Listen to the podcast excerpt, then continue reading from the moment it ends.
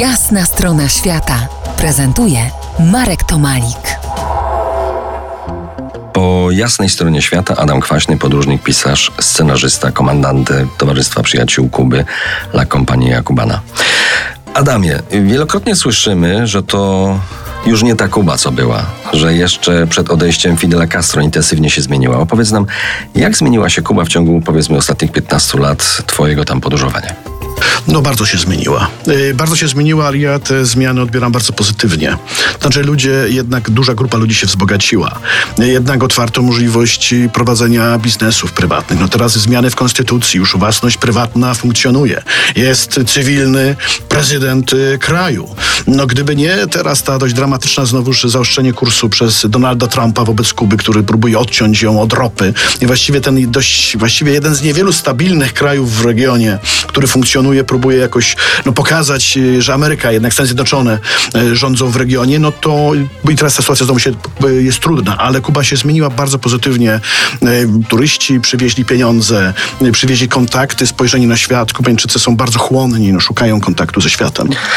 W tym roku, właśnie teraz, jesienią, Hawana świętuje 500 lat powstania. Co się tam teraz dzieje?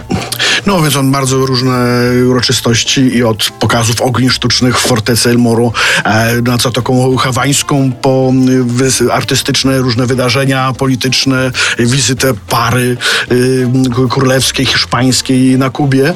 No Hawana świętuje. Hawana świętuje. Ja będę miał niebawem taką już bardzo relację, bo nasza grupa jest teraz na Kubie, e, więc będę miał taką już dokładną relację z tym, co tam naprawdę się wydarzało, a nie tylko to, co widzimy w przekazach medialnych. No to skoro jesteśmy przy turystyce, to powiedz o turystyce, jak teraz yy, na Kubie. Koncert Rolling Stonesów, yy, tak mocno zapamiętany w Hawanie.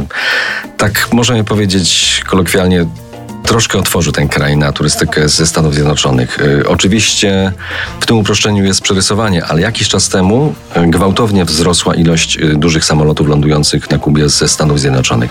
To oczywiście spowodowało wzrost cen, nie tylko w hotelach. Jakie są trudności transportowe, organizacyjne, poruszaniu się po Kubie? Znaczy w ogóle też ogromne okręty zawijające, które teraz już nie zawijają, ponieważ znowu obywatele Stanów Zjednoczonych jako najbardziej wolni obywatele na świecie mają zakaz e, podróżowania turystycznie na Kubę, więc odwoływano te okręty, zwracano ludziom bilety i tych Amerykanów już jest teraz tam nie. Amerykanów, no Kubańczycy również są Amerykanami, powiedzmy, obywateli Stanów Zjednoczonych.